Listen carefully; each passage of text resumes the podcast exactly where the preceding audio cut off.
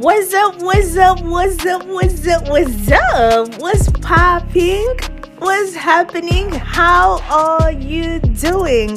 And welcome, welcome, welcome to the eighth episode of Light Up with Mariam.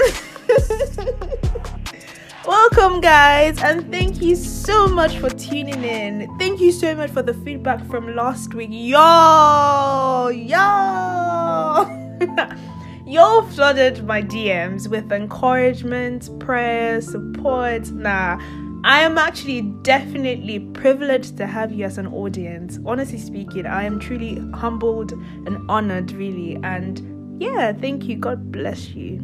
So, guys, what's been happening at your end? Mm, what's been happening, y'all? Mm, let me tell you.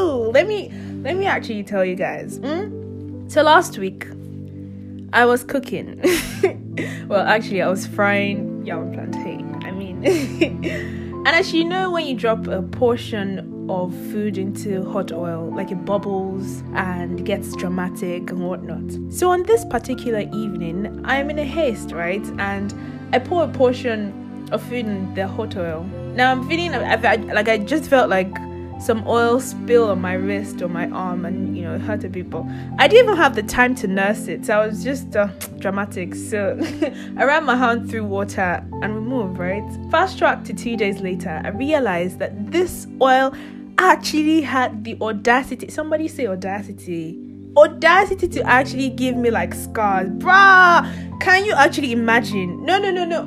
Did you know my personality? Did you, oh my jesus. Like they all did not know me it gave me scar a little bit of injury. It whoa nobody showed me down. Nobody told me to calm down because i'm a bit upset. They didn't know my beautiful skin? Oh my jesus.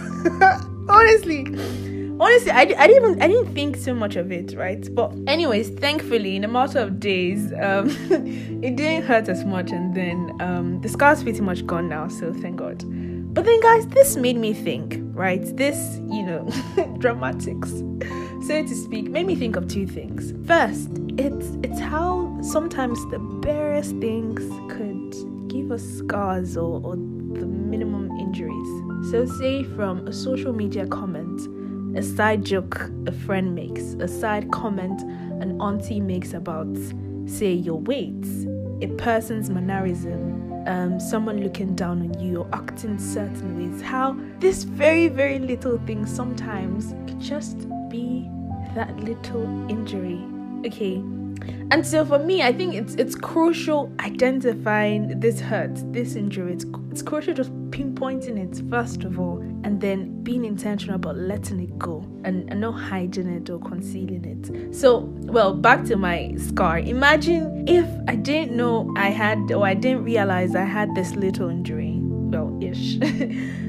And then I was taking a shower and I was really scrubbing the hand, you know, really scrubbing it. It would be sweet. I would just hurt myself more.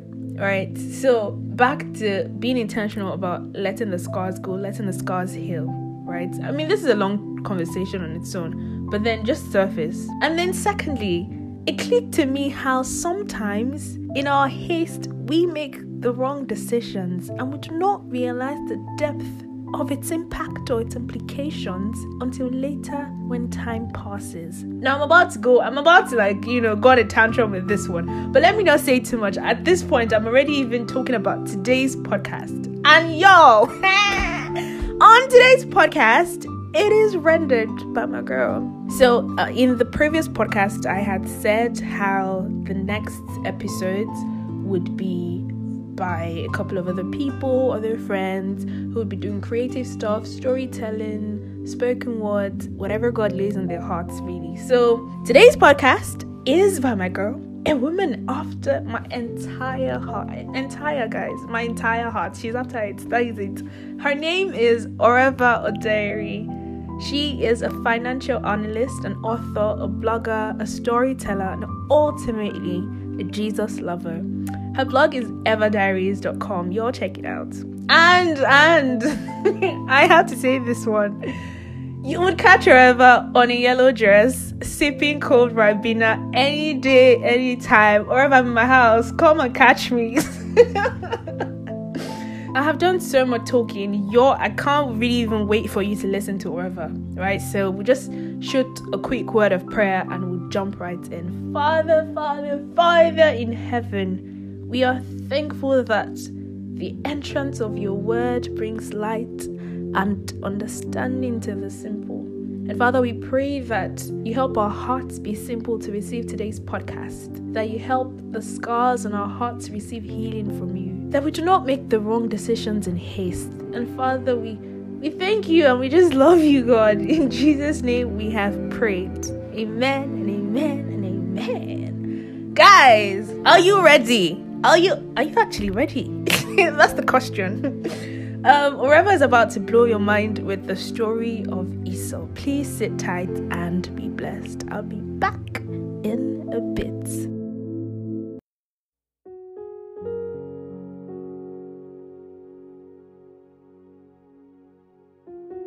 Esau firstborn, winner of the struggle of the warm legal heir to Isaac, first of his kind, apple of his father's eyes, chief hunter and chef of his father's favorite meal, custodian, actual full ownership of the family birthright, a birthright gave away in a fleeting moment of hunger. It was just a bowl of porridge. Yes, Hot, steamy porridge stew, smoke rising from above with the strong scent of a thousand beautiful things on a hot summer afternoon when the man was dying of hunger. Sounds familiar. That thing you want at that very moment is somehow just right there within your own reach, except it's not really yours for the taking. Sucks, right?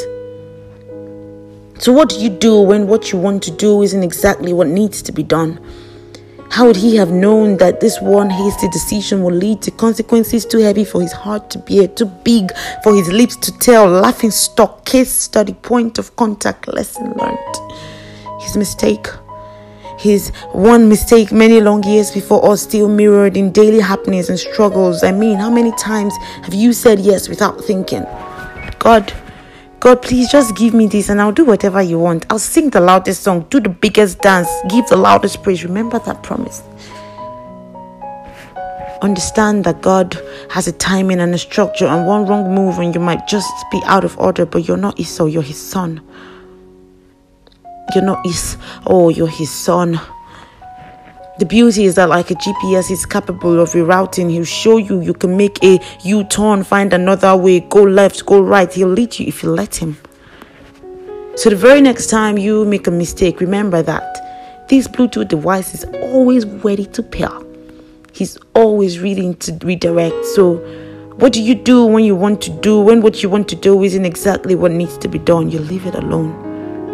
You wait. Because whatever you're giving up in that moment, it isn't really worth it. Trust me. Ask Esau. He's tried it before. Yo,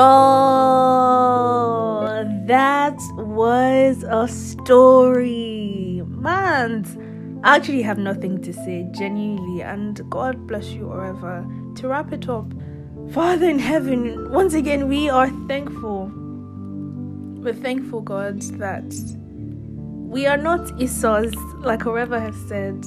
God, we are your sons and daughters, the privilege, God. And we pray and we ask that this week you lead us. We pray that we're attentive to your directions. We pray we're obedient to your leadings. We pray that we make no hasty decisions without your endorsements. In Jesus' name, we pray. Amen. Thank you so much for listening, guys. Thank you, thank you, thank you. And be sure to tell a friend to tell a friend to tell another friend, and that tells another friend to listen to the Light Up podcast. Y'all know that God is not a secret to be kept, right? So I love you, love you, love you, and definitely God loves you more. Have a blast this week, guys. Bye.